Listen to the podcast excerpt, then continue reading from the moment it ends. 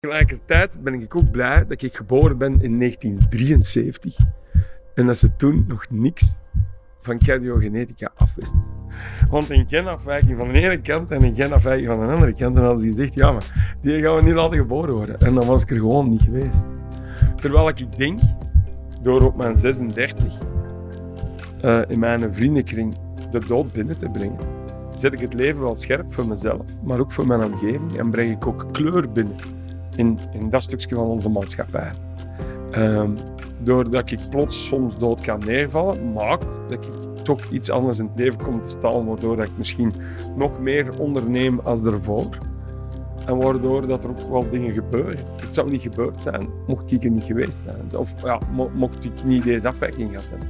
Ik ben Axel Verstraal, ik ben geboren in 1973. Ik ben papa van een tweeling eh, die ondertussen 16 jaar zijn. Uh, ik hou me vooral bezig met uh, fietsen in de stad en rond de stad. Uh, dat beheerst ook mijn uh, professionele leven. Je luistert naar Dit moet van mijn hart, een podcast van de Belgische Cardiologische Liga. In deze aflevering laten we Axel aan het woord. Hij vertelt ons over zijn twee hartaandoeningen, het Brugada-syndroom en ARVC, ofwel arythmogene rechterventrikel cardiomyopathie zijn behandelende arts professor Johan Sane, cardioloog en specialist invasieve ritmologie in het Universitair Ziekenhuis van Antwerpen, legt op zijn beurt uit wat dit allemaal inhoudt voor Axel en hoe hij hiermee kan leven. Dus als we de pathologie van Axel beschrijven, dan gaat het om een erfelijke hartspieraandoening, waarbij we dus spreken over een cardiomyopathie. Dat wil zeggen dat dus de hartspier aangetast is door een defect ergens in de eiwitten die het hart uh, opbouwen. En die hartspieraandoening kan ervoor zorgen dat er ook elektrische afwijkingen ontstaan in het hart. We noemen dat dan een arythmogene cardiomyopathie, met andere woorden een hartspierziekte die aanleiding geeft tot hartritmestoornissen. En de hartritmestoornissen zoals die zich hier manifesteren, doen zich voor zoals ze ook voorkomen bij het Brugada-syndroom. Het Brugada-syndroom is een erfelijke hartziekte die uh, ontstaat door veranderingen in de elektrische werking van het hart. Het hart is een spier die ongeveer 100.000 keer per dag moet uh, samentrekken. En die spier wordt aangedreven door elektrische impulsen. En wanneer er een erfelijke verandering optreedt in de opbouw van die elektrische impuls, kan dat aanleiding geven tot elektrische instabiliteit op bepaalde momenten. En die elektrische instabiliteit kan dan aanleiding geven tot gevaarlijke hartritmestoornissen. En als die hartritmestoornissen heel kort aanwezig zijn, dan gaan mensen daardoor plots flauw vallen. Als die hartritmestoornissen langer blijven duren, ja, dan valt men flauw, maar wordt men mogelijk ook niet meer wakker en dan spreken we over een plots overlijden of een plotse dood. En dus bij de aandoening die bij Axel voorkomt, is de onderliggende oorzaak van die elektrische afwijkingen een, structurele hartafwijking die we dan de arythmogene cardiomyopathie noemen. En op die manier kan een structurele hartafwijking ook aanleiding geven tot de elektrische veranderingen die we dan Brugada-syndroom noemen bij hem. En stricto sensu, in medische termen noemen we dat dan een Brugada-syndroom fenocopie. In uh, eh, 2005 lag mijn vader plots dood in zijn bed. Hij was 59, kerngezonde kerel, heel sportief, een hele joviale man, een lieve, warme man, dood in zijn bed. Onverwachts. Niemand had dat kunnen uh, zien niemand heeft dat zien aankomen. Ik vond dat raar. Uh, de arts zei, Axel, we kunnen niks aan doen, dat is hartaderbreuk. Ik vind dat een beetje een zot woord, hartaderbreuk. Ik kan me daar niet zoveel bij voorstellen, geloof ik. Ik denk ook bij een ader die breekt in volle inspanning kan ik mij nog iets voorstellen, maar in slaaptoestand en dan geen enkele bloeduitstorting zien of zo. Dus ik vond dat best bijzonder. En ik dacht, ik ben zoon van deze man, dus ik zal me maar laten onderzoeken. Ik uh, heb me laten onderzoeken en in het eerste EKG was het al duidelijk. Ik heb het uh, Brugada-syndroom. De typische EKG-afwijking kwam bij mij, of komt bij mij bij elk EKG voor. En dus er was duidelijkheid. De arts, ik zat gelukkig in een kenniscentrum uh, in 2008 en die wist perfect eigenlijk wat Brugada-syndroom was. Ehm, en die zei mij dadelijk van oké, we kunnen er as such niks aan doen, maar als uw hart plots zou beginnen fibrilleren, wat het geval zou kunnen zijn um, bij het Brugada-syndroom, dan kunnen we u wel een ICD geven. Ehm, die planten we in, die gaat meten, die gaat shocken als het zover is, en dan gaan we gewoon verder leven. Ik dacht, oké, simpel, doen. Zeker ter preventie. Uh, mijn vader was 59, ik was toen midden in de 30. Ik dacht van ja, dat is nog een lange tijd dat voor mij ligt. Ik mocht dan in die periode een half jaar niet met de auto rijden. Dat vond ik dik kloten. Maar de rest dacht ik van oké. Vaak gaat het hier over erfelijke aandoeningen. Dat wil zeggen dat ziektes zich kunnen verspreiden in families. En vaak gebeurt dat eigenlijk zonder dat patiënten dat zelf weten. Hebben ze helemaal geen symptomen tot plots in de familie iemand overlijdt zonder een duidelijke andere oorzaak. En ook in dit geval is het zijn vader die plots overleden is, die hem die, die Axel heeft doen aanzetten om een cardioloog op te zoeken en te gaan kijken, is daar een, bij hem is alles cardiaal in orde? En kunnen we daar een oorzaak vinden waarvoor of waardoor dat zijn vader plots overleden is? En dat kan ons dan inderdaad ook op weg zetten, waardoor dat we een, een afwijking kunnen vinden bij de eerste graads familieleden van die patiënt die overleden is, in dit geval zijn vader. En op die manier kunnen we dan een diagnose stellen ehm, en kunnen we ook het risico bij onze patiënt, in dit geval Axel, gaan, uh, gaan uh, identificeren en gaan kwantificeren. Op basis van dat risico kunnen we dan gaan kijken wat er eventueel nodig is om de patiënt te gaan beschermen tegen die gevaarlijke hartritmestoornissen en tegen uh, een eventueel een mogelijk plots overlijden dat dan later kan optreden. Dus het gaat vaak om erfelijke aandoeningen, familiale aandoeningen, waarbij dat er meer dan één persoon aangetast is. En in de grote meerderheid van de gevallen weten de familieleden helemaal niet dat er een probleem is in de familie um, en moet men daar actief naar gaan zoeken. En een van de belangrijkste um, uh, kenmerken of aanwijzingen is uiteraard wanneer er iemand plots overlijdt zonder een duidelijke aanwijzing. Wanneer we een, uh, een erfelijke hartziekte vaststellen bij dit soort patiënten, ja, dan wil dat nog niet noodzakelijkerwijs zeggen dat het, uh, het plots overlijden, zoals dat bij zijn vader opgetreden is, dat dat ook bij onze patiënt uh, zal uh, gebeuren. Hè. Dus dat kan je eigenlijk, die lijn kan je niet zomaar doortrekken. Dus de, elke patiënt wordt individueel onderzocht en het risicoprofiel van elke patiënt wordt individueel nagekeken. En op basis daarvan wordt er dan gekeken wat is het risico en als we zien dat het risico zeer hoog is, hè, dus dat, waarbij dus dat eigenlijk op elk moment levensbedreigende hartritmestoornissen kunnen optreden, dan is het nodig om die patiënten te gaan beschermen. En dat kan dan gaan van het aanpassen van de levensstijl, bijvoorbeeld hè, minder uh, aan sport doen hè, of de competitiesport vermijden, naar uiteindelijk het behandelen met medicatie.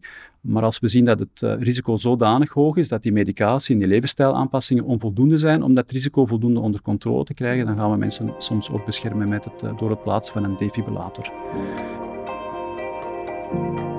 Geen anderhalf jaar later, toen ging mijn defibrillator al voor de eerste keer af. Dus ik had hem nodig veel vroeger dan dat dat bij mijn vader het geval was.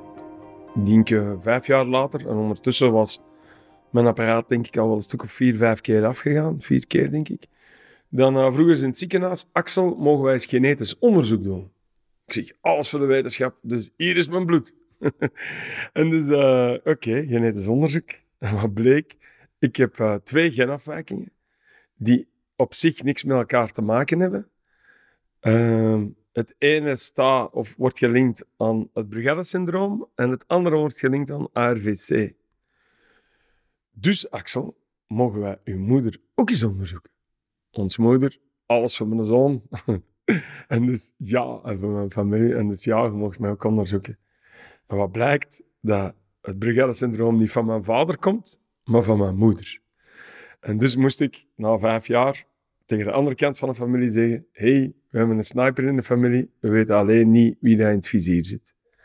Ondertussen weten we daar al wat meer over, maar goed, dat is een heel ander verhaal. Maar uiteindelijk is dat de start voor mij van hoe dat ik hartpatiënt geworden ben. En hoe dat we ontdekt hebben dat ik niet één, maar twee hartafwijkingen heb. Dus het Brugade-syndroom aan de ene kant en ARVC aan de andere. Het uh, resultaat op jongere leeftijd, en op deze leeftijd nu, is eigenlijk bij alle twee hetzelfde. Dat je plots een kan maken die letaal kan zijn. Um, en om dat te voorkomen ben ik dus ICD-drager. Een defibrillator is een toestel dat continu het hartritme zal volgen en waarbij, als het ritme normaal is, het toestel helemaal niks zal doen. Op het moment dat, we dan, dat er dan een gevaarlijke ritmestoornis ontstaat, gaat dat toestel die ritmestoornis heel efficiënt kunnen behandelen en waardoor dat het uh, die ritmestoornis kan stoppen en het normale ritme weer uh, kan toelaten. Dus dat wil zeggen dat zo'n toestel continu het ritme gaat volgen en wanneer er helemaal ja, alles normaal is, dan doet het toestel helemaal niks. Wanneer er gevaarlijke ritmestoornissen optreden, dan zal het toestel de gevolgen van die ritmestoornissen uh, behandelen um, en voorkomen. Dus, uh, dus het toestel zelf zal de ritmestoornissen zelf niet voorkomen. Hoe behandelt zo'n uh, defibrillator die ritmestoornissen? Dat heeft een, uh, een aantal mogelijkheden. Dus uh, het is mogelijk om die ritmestoornis te stoppen door het hart te gaan pacen, dus door kleine elektrische prikkels te geven aan het hart, waardoor dat de ritmestoornis ontregeld kan worden en waardoor het eigen normale ritme het weer kan overnemen en waardoor dat het ritme hersteld kan worden. Dat is een behandeling die dat de patiënt zelf over het algemeen niet kan voelen. Nu, wanneer die therapieën niet succesvol zijn, dan heeft het toestel nog de mogelijkheid om een elektrische schok te geven. En zo'n elektrische schok ja, kan uiteraard plaatsvinden wanneer de patiënt nog bij bewustzijn is. En dan gaat de patiënt dat uiteraard ook merken als een, een, zware slag op de borstkas. Um, maar in sommige gevallen is het zo dat de, de ritmestoornis, de kwaadaardige ritmestoornis van die aard is dat de patiënt flauw valt, en waardoor dat de patiënt een schok krijgt op het moment dat hij buiten bewustzijn is. En dan gaat de patiënt het zelf niet beseffen dat er een schok geweest is. En dan gaat hij, één keer het ritme hersteld is, weer terug bijkomen. En dan is het net letterlijk alsof hij eventjes is flauwgevallen.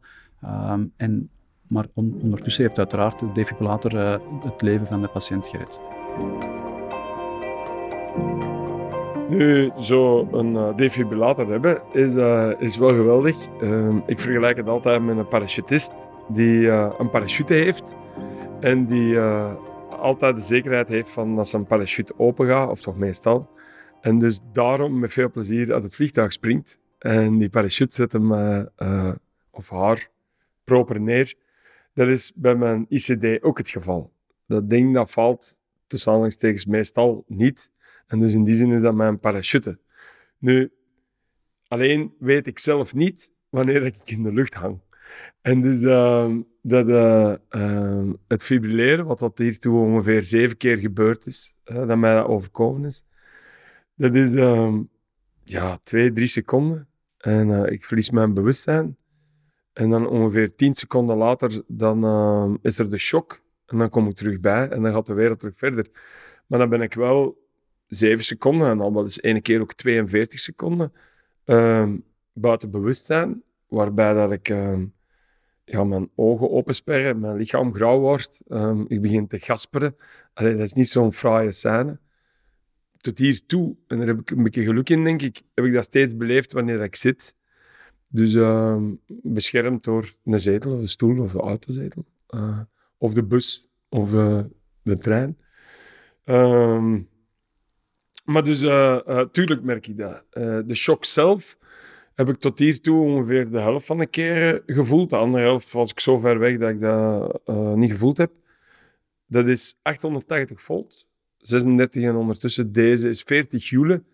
Dus dat is, een, uh, ja, dat is een serieuze slag dat je krijgt in die fractie van een seconde. Um, het voordeel is, wanneer ik terug bijkom, dan um, heb ik een groot besef van leven. En vloeit er ook wel een hoop adrenaline door mijn lijf en levenslust. En ebt die slag en dus het, uh, het, het rauwe en het brute van zo'n slag uh, heb dat wel snel weg. Al moet ik zeggen dat ik uh, eens een keer een droom gehad heb. Um, lang geleden, na mijn derde shock. Ik heb twee keer een shock gehad op de autosnelweg, zittend als een passagier in een auto. Bijna op dezelfde plaats, bijna op dezelfde tijdstip, om vijf uur s morgens. En ehm, in mijn droom ging het als volgt. Ik, ehm, ik zat in de auto, ik zat te rijden. En in één keer heb je busjes die de weg versperren op de autosnelweg. En er stappen uit, bende van navels gewijs, mensen, mannen met bivakmutsen, die gewoon random beginnen schieten. En ik zelf kan mijn deur open doen en zo in de berm weglopen. Dat was nog voor de Bataclan, eigenlijk dit. En dus ik, ik denk dat het onderbewustzijn zo deze passages uh, op die manier registreert en beleeft ik voel me ook altijd zeer verwant met uh, onlangs, een paar jaar geleden, was er hier een, een accident. Iemand die verongelukt was onder de trein hier aan het station. Ik kwam naartoe, ik denk een kwartier later of zo. En ik voel me zeer verwant met dit soort van momenten. Dat je plotsklaps uit het leven ge geplukt wordt. Zonder aanleiding, zonder iets. En ik heb toen is dat er. En dan, oké, ik heb dan het geluk dat ik mag verder leven, hè, maar dat is nog een ander hoofdstuk. Maar dat, heeft ook wel een, dat kent ook wel een brutaliteit natuurlijk. Voilà, ik denk dat, dat dat ook wel de onderbewustzijn is. Voor de rest, voor mezelf, geeft dat meestal een hoop aan vrolijkheid. Want ik ben een chanceur die mag verder leven. Dan moet het leven omarmen natuurlijk. En dat geeft wel vrolijkheid. Zijn er aanleidingen die erop wijzen dat, uh, dat er een plotse doodevent kan optreden? Um, in de meerderheid van de gevallen zijn die aanwijzingen er wel. En uh, het zij bij de patiënt, het zij uit de familiale voorgeschiedenis. Dus wanneer patiënten uit de familie plots overleden zijn, jonger dan 45 jaar, en daar is geen duidelijke oorzaak voor, en daarmee bedoel ik bijvoorbeeld een, uh, een verkeersongeval of, uh, of, een, of een arbeidsongeval. Dus als men dat eigenlijk niet kan aanwijzen, ja, dan is de kans dat er een erfelijke hartziekte de oorzaak is voor het plots overlijden bij het familielid eigenlijk al tot bijna 80%. Dus dat is een hele belangrijke familiale aanwijzing. Bij patiënten zelf is het heel vaak zo dat er ook al wel events geweest zijn die men niet herkend heeft als een alarmsymptoom. En dus de alarmsymptoom, of het belangrijkste alarmsymptoom, is een plots uh, flauwvallen, waarbij dat men het niet voelt aankomen en waarbij dat men plots op de grond valt. Dus men is volledig buiten bewustzijn en dat duurt een aantal seconden. Het duurt geen minuten of, om terug bij te komen. Na een paar seconden komt men terug bij. En tegen onze patiënten zeggen we altijd letterlijk alsof eventjes het licht uit geweest is. En dan komt men terug bij en dan is het alsof er niks gebeurd is. Men is terug klaar wakker onmiddellijk men, uh, en men kan terug zijn activiteiten voortzetten. Dus wanneer dat optreedt, dan is dat een alarmsymptoom. En dus dat kan voorkomen bijvoorbeeld in rust, dat kan voorkomen tijdens een inspanning, dat kan voorkomen wanneer patiënten neerliggen. Dus dat is het belangrijkste alarmsymptoom. Dus ik denk als we één alarmsymptoom willen meenemen, dan is dat het belangrijkste. Dus uh, er zijn er uiteraard nog andere. Wanneer mensen plots hartkloppingen krijgen, waardoor ze onwel worden en waardoor het zwart wordt voor de ogen en ze dreigen flauw te vallen, uiteraard is dat een alarmsymptoom. Wanneer mensen pijn op de borst krijgen, dus uh, in rust of bij inspanning, uh, dan is dat ook een alarmsymptoom. En dus dat is iets wat we weten, dus dat dat kan wijzen op een, op een dreigend hartinfarct. Maar bijvoorbeeld wanneer dat soort klachten optreedt bij jonge patiënten, kinderen bijvoorbeeld, ja, dan is dat een aanwijzing dat daar mogelijk ook een, ja, erfelijke hartziekte onder zit, hè, bijvoorbeeld een hypertrofe cardiomyopathie. En zo hebben we dus, en dat zijn dus dingen waar dat we uiteraard uh, ons niet op mogen verkijken, die mogen we niet missen en daar moeten we eigenlijk ook in onze maatschappij alert voor zijn, want dat zijn de aanwijzingen, dat zijn de rode vlaggen waar dat we nu moeten naar kijken om dit soort aandoeningen te kunnen opsporen. En als we dan kijken, hè, dus het, is ook, het wordt uiteraard ook niet altijd aangekondigd, dus in 30% van de gevallen is het zo dat dus het plotse dood-event het eerste event is. Hè. Maar ook bij die, in die gevallen zien we heel vaak dat er toch wel al dingen geweest zijn die men gewoon niet uh, als alarmsymptoom herkend heeft vooraf. Natuurlijk kleurt zo'n zo'n ziekte of zo'n hartafwijking mijn leven. Dat is, voor mij is dat onmiskenbaar. Het hoort ondertussen ook wel bij mijn identiteit, denk ik. ik um, het feit dat ik niet kan voorspellen wanneer dat mijn ritmestoornis zich voordoet, maakt dat ik ook niet meer met de auto rijd. Omdat ik niet weet wanneer dat gebeurt. Ik rijd met anderhalf ton, twee ton over de straat.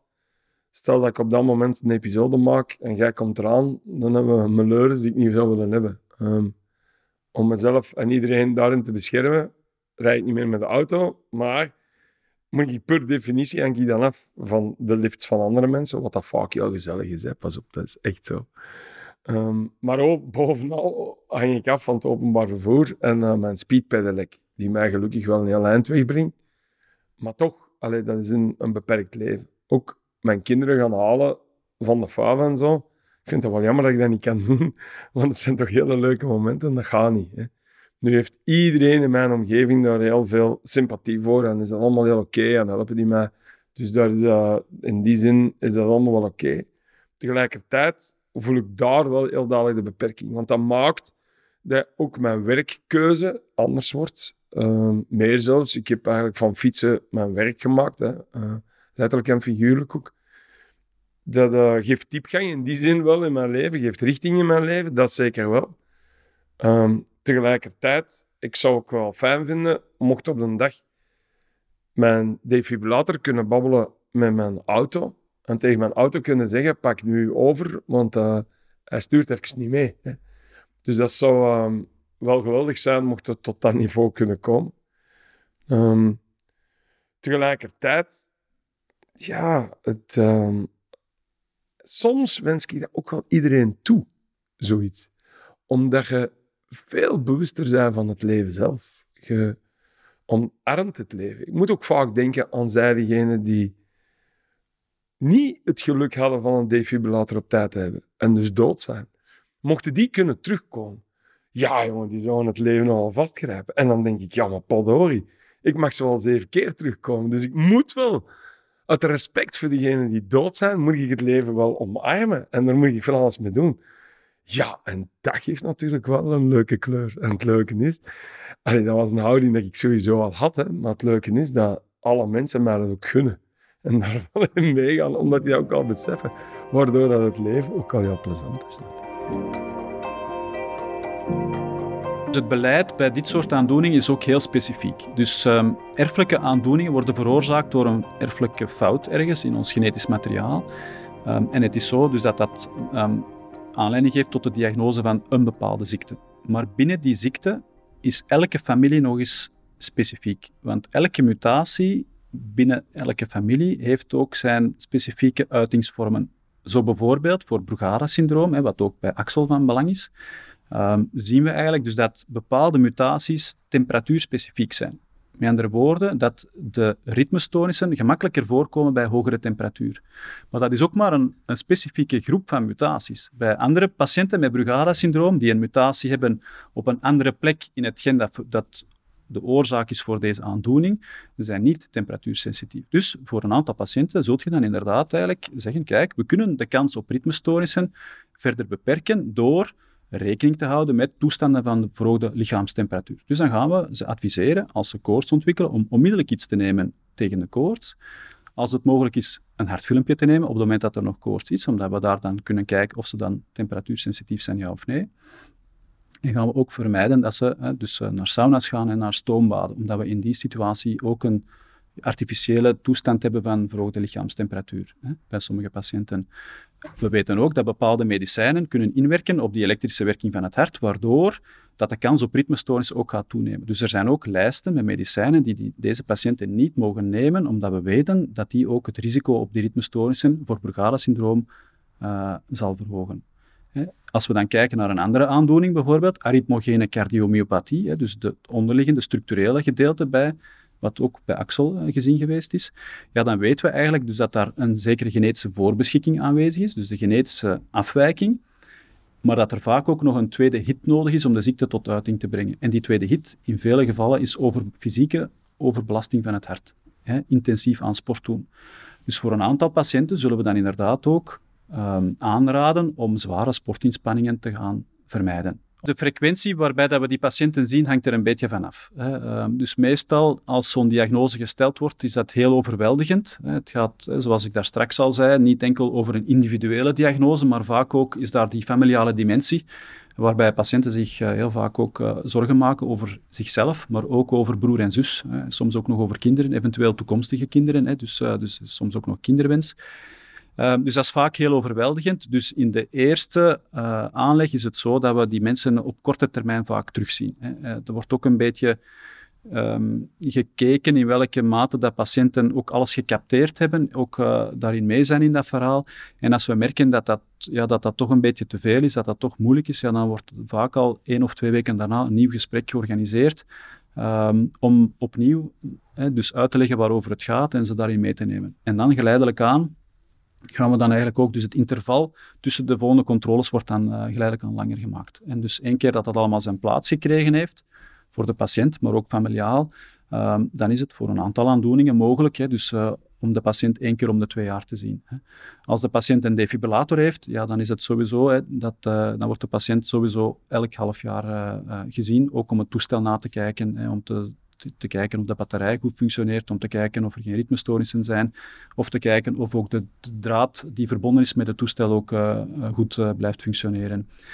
Ondertussen is het ook wel zo dat de meeste van die patiënten ook van op afstand eigenlijk gevolgd worden. Hè. Dus die defibrillatoren die, die worden eigenlijk aangesloten op wat, op wat we noemen een home monitoring systeem.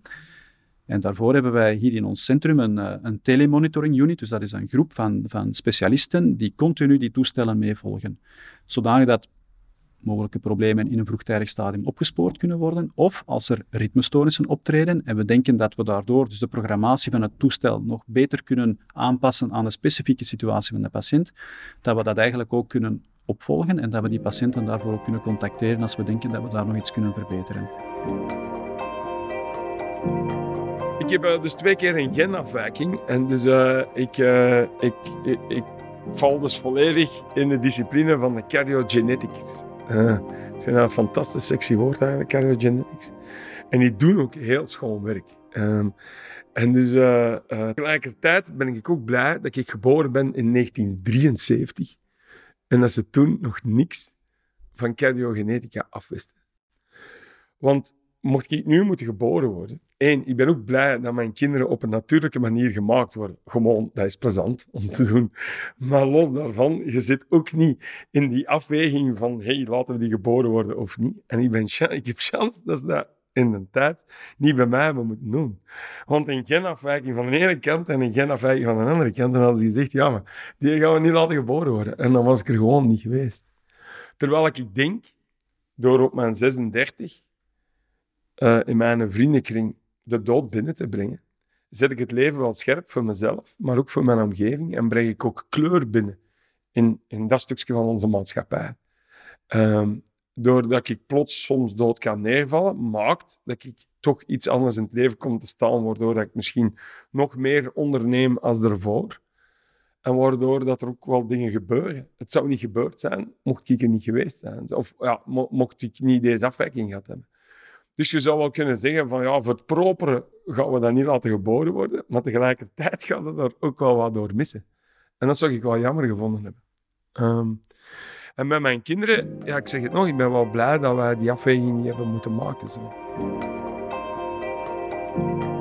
Veel mensen zijn al wel eens een keer flauw gevallen. Hè? En dus je hebt natuurlijk heel veel mensen met uh, wat, noemen, wat we noemen autonome dysfunctie. En dat noemen we dan in dat, zijn dan ook de echte appelflautes. Hè? Uh, en lage bloeddruk, hè, dus of uh, mensen die bloed zien en uh, misselijk worden en daardoor hè, de bloeddruk zakt en flauw vallen. Hè, dus, maar daar zitten er ook wel echte tussen. Hè. en dus dat is ook hetgeen dat we hier doen. We screenen heel veel mensen met syncopes en hele vele zijn niet kwaadaardig.